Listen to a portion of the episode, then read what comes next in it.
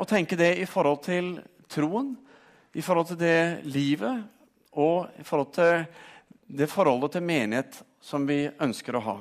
Så vi spør hvem vil vi være?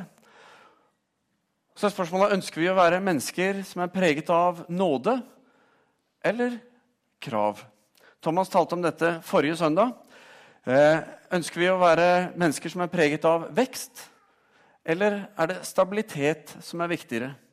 Ønsker vi å være preget av fellesskap, eller er det selvstendighet som er viktigst? Og eh, Ønsker vi å være preget av tjeneste, altså i den form at ønsker vi å være med og tjene, eller ønsker vi å bli betjent? Ønsker vi å være preget av raushet eller likgyldighet? Vi tror at med fokus på våre fem verdier nåde, vekst, fellesskap, tjeneste og raushet så er vi med på å gi oss selv gode byggestener til livet. Og vi har i hvert fall veldig lyst til å oppfordre dere alle til å få med dere alle disse fem talene som skal være i denne serien. Og for, Har du ikke anledning til å være her hver søndag, kanskje var du ikke her sist søndag osv., så, videre, så ligger disse talene ut på nett. Så det går an å gå inn der og få med deg det. For det er en viktig del av hvem vi er som menighet, hvem vi tenker at vi vil være her. Og så er det noe med at uh, denne prekenserien er rett og slett for verdifull til å gå glipp av noe. Eller noe sånt. I dag skal vi i hvert fall ta for oss verdien vekst. Og da kommer fort spørsmålet hva er det som skal vokse? Er det antall mennesker som er samlet her inne til gudstjeneste? Vel, det er et poeng å samle flere mennesker her. Men det er ikke en verdi. Det er et mål som vi har satt oss, som er et resultat av hvem vi er. Så det er ikke først og fremst det vi snakker om. Og da er spørsmålet hva er det da? Er det skjegget til hovedpastoren? Eller kan se sånn ut, tenker du kanskje. Eh, sånn er det å ha ferie og ikke ta det vekk etterpå. Men nei, det er også heller ikke skjegget mitt som det handler om når vi snakker om vekst. Men vi snakker om troen. Troen er det som skal vokse. Troen vår på at Gud er den han sier at han er, og at han vil gjøre det han har sagt han vil gjøre. Og Mer spesifikt så sier vi at vekst det handler om å vokse i visdom, i eh, karakter og i tillit til Gud. Det var en kar som var ute på reise. Han kjørte bil og hadde ganske mange mil han skulle tilbakelegge. Og Underveis så kjente han at nå var det på tide å ta en stopp for å proviantere litt. Og eh, han tenkte først og beste, der skal jeg stoppe. Og Etter en stund så ser han da noe som eh, ligner litt på en butikk. Litt sånn old fashion, men ok, han svinger inn og kommer til noe som er litt mer sånn gammeldags landhandel enn noe annet. Så kommer han opp til døra, og når han da ser på denne glassdøra, så er det et skilt der. Og på det skiltet så står det 'Vokt dem for hunden'. Og da ble han litt usikker når han så dette skiltet på glassdøra. Han kikka inn gjennom for å se inn i butikken og se varer som er her inne. Og så Et stykke borte, ved kassa omtrent, så ser han da en gammel, sliten, trøtt labrador som ligger og sover. Så tenker han ok, dette går sikkert bra. Så han går inn, og så går han rundt og så finner han disse tingene som han skal ha, samtidig som han følger litt med på den bikkja her, da, siden han har fått en advarsel. Eh, så han kommer bort til kassa da, etter hvert, og der er det jo en kar som står klar til å eh, hjelpe han. Så sier han du, er det den bikkja der som eh, vi skal passe oss for når vi kommer inn her? Ja, det stemmer det, svarte mannen i kassa. Så tenkte han dette var jo litt morsomt. Eh, så han sa unnskyld meg, men eh, ikke for å være frekk, men eh, hunden her virker jo ikke veldig farlig. Altså, den har jo ikke lagt merke til at jeg er her engang. Hvorfor skal vi passe oss for den, da? sa han. Vel, sa han som sto i kassa. Før jeg hang opp det skiltet, så var det støtt og stadig noen som eh, snubla over den bikkja der. vet du. Visdom, det er mer enn kunnskap. Visdom det er kunnskap tatt i bruk, anvendt på en rett måte. Og når kunnskap i tillegg bærer med seg et, en opplevelse av sannhet, så det, kommer vi til de der, eh, erfaringene hvor vi tenker at dette var vist. Dette er noe vi vil kalle visdom. Så Visdom er ikke først og fremst en erfaring i seg selv. fordi erfaring er ikke nødvendigvis en uh, rett kunnskap om noe. Men vi lærer noe som måtte, kan ha feil grunnlag. Men allikevel skjønner vi at visdom også kommer av erfaring. Og, uh, men veldig ofte er den erfaringen basert på kunnskap vi har, eller tilførsel av ny kunnskap. Og Mannen i kassa han hadde lært seg underveis og sett og erfart at ok, her må vi sette opp et skilt. Jesus han forteller en lignelse eh, til avslutning i det som kalles bergprekenen i Matteus kapittel 5, 6 og 7. Og Han forteller om to menn som bygde hus.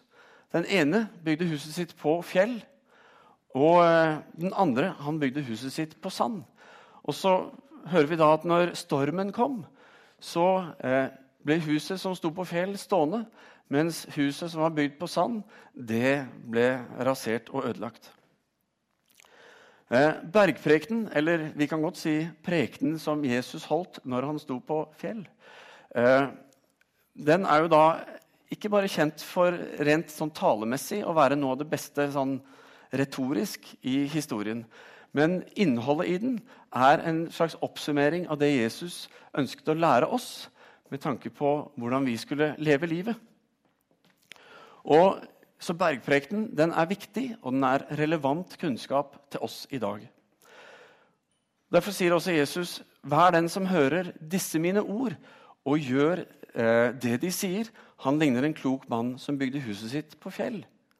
Og Så sier han videre, 'Og vær den som eh, hører disse ordene og ikke gjør som de sier, han ligner han som bygde huset sitt på sand.' Og så gikk det som det var.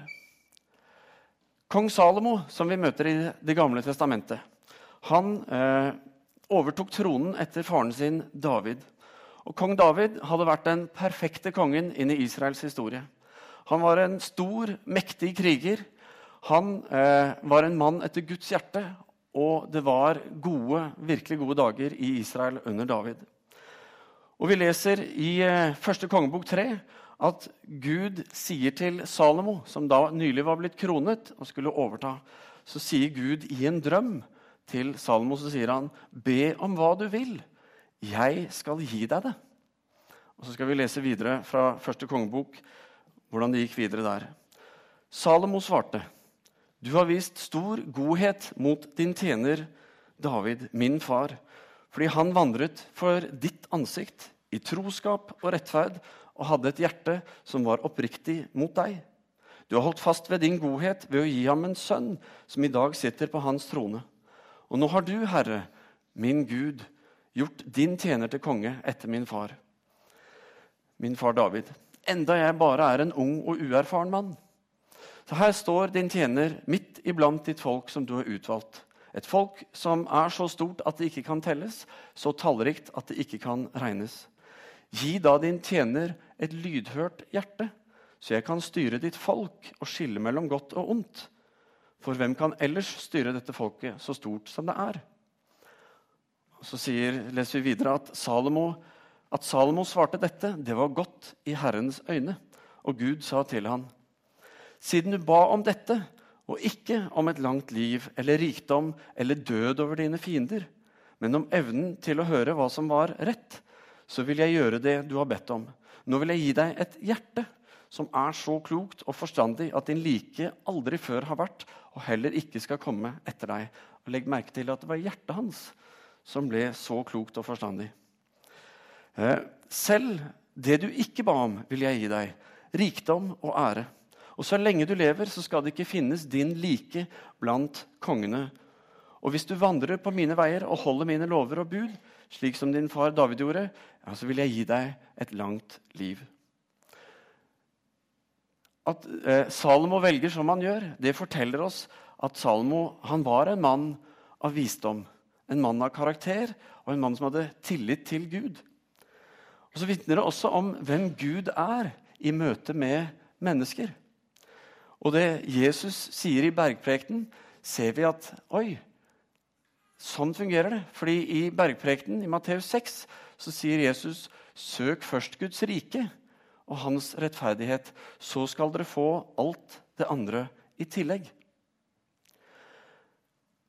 Leser vi da i kongebøkene ellers i Bibelen, så ser vi at det er konge på konge etter konge som først og fremst søkte sin egen ære, sin egen rikdom, og død over sine fiender mer enn noe annet. Og vi ser også at den ene etter den andre går det dårlig med. Be om hva du vil. Jeg vil gi deg det.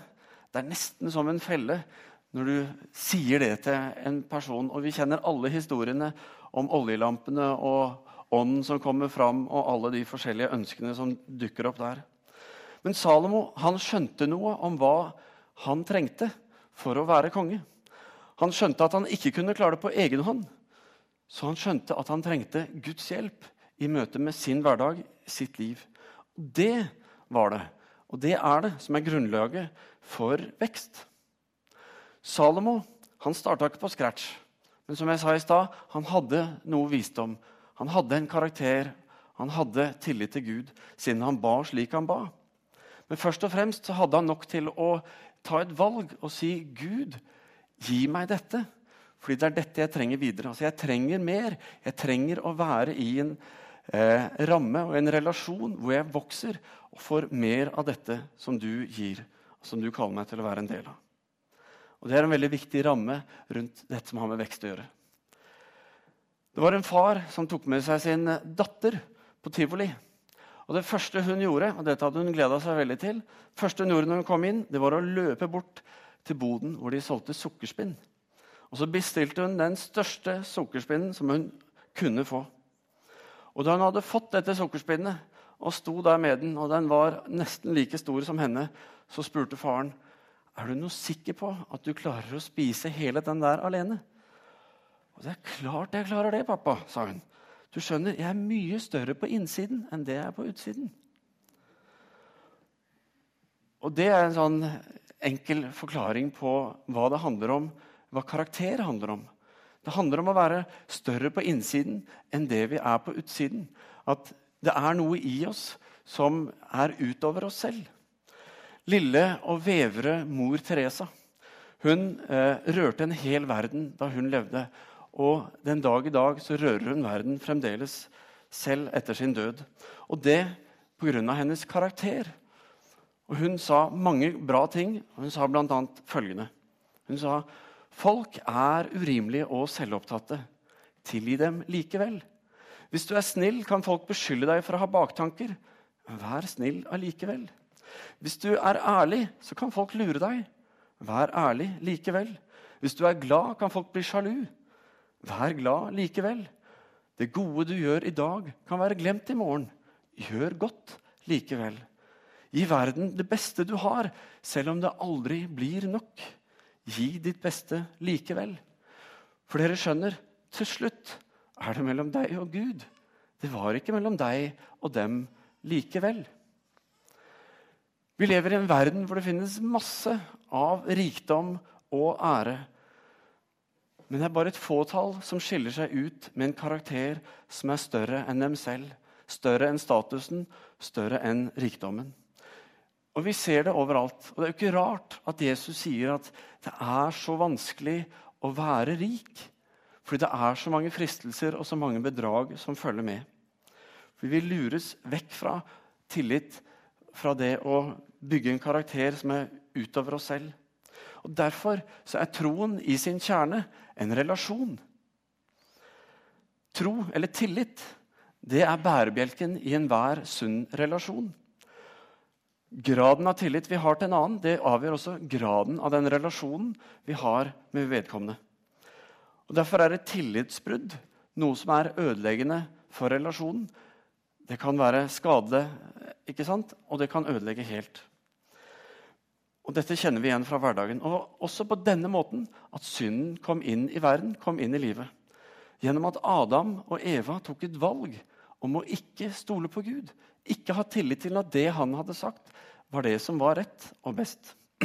Og Sånn ble det et brudd mellom Gud og mennesket. Men siden den gang så har Gud vært opptatt av å gjenopprette den relasjonen mellom seg selv og mellom oss mennesker. Og Hele Gammeltestamentet kan vi si er en historie om Gud som sier 'tro på meg', 'stol på meg'. Det er ingen tilfeldighet at Gud ikke startet historien med israelsfolket med å gi dem loven og si vær så god, sånn skal det være. Nei, han gikk med dem, og så lærte han dem å tro på han. Lærte han dem å stole på han. Og så gir han dem loven. Og Det er heller ikke overraskende at i kjernen av Jesu forkynnelse, om du leser gjennom Bergprekenen f.eks., så handler det om tro. Det handler om tro som kjernen av det Jesus var opptatt av å formidle. Og På samme måte som relasjonen mellom Gud og menneske ble ødelagt pga. mangel på tro, så ønsker Gud å gjenopprette den relasjonen gjennom at vi tar et valg om å tro Han. Så vi kan si at Kjernen av den kristne troen det handler om en invitasjon fra Gud til oss om å ta imot og tre inn i en relasjon med Han som er basert på tillit til Han. Stole på at Han er den Han er.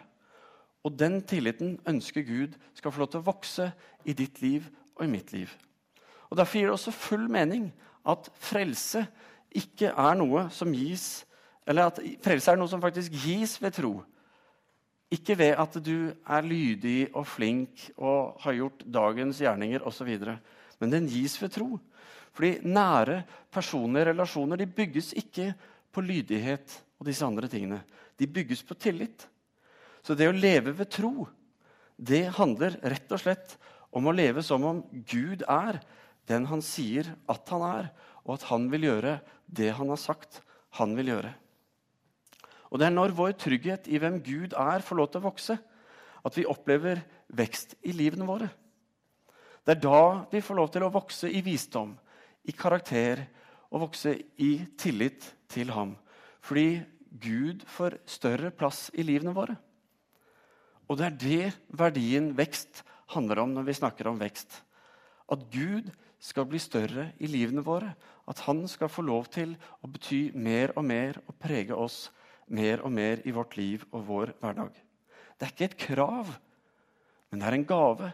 Det er noe Gud inviterer oss inn i. Og så er det også noen utfordringer underveis. Jeg skal ikke late som at dette er en dans på roser. Men vi må ta noen valg som er utfordrende også underveis. Og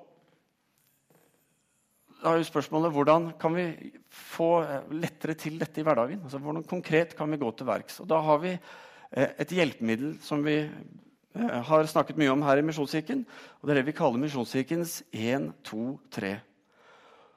Og vi har denne, fordi vi vet at det krever noe å gå fra å være en som tror på Jesus, til å bli en som følger Jesus.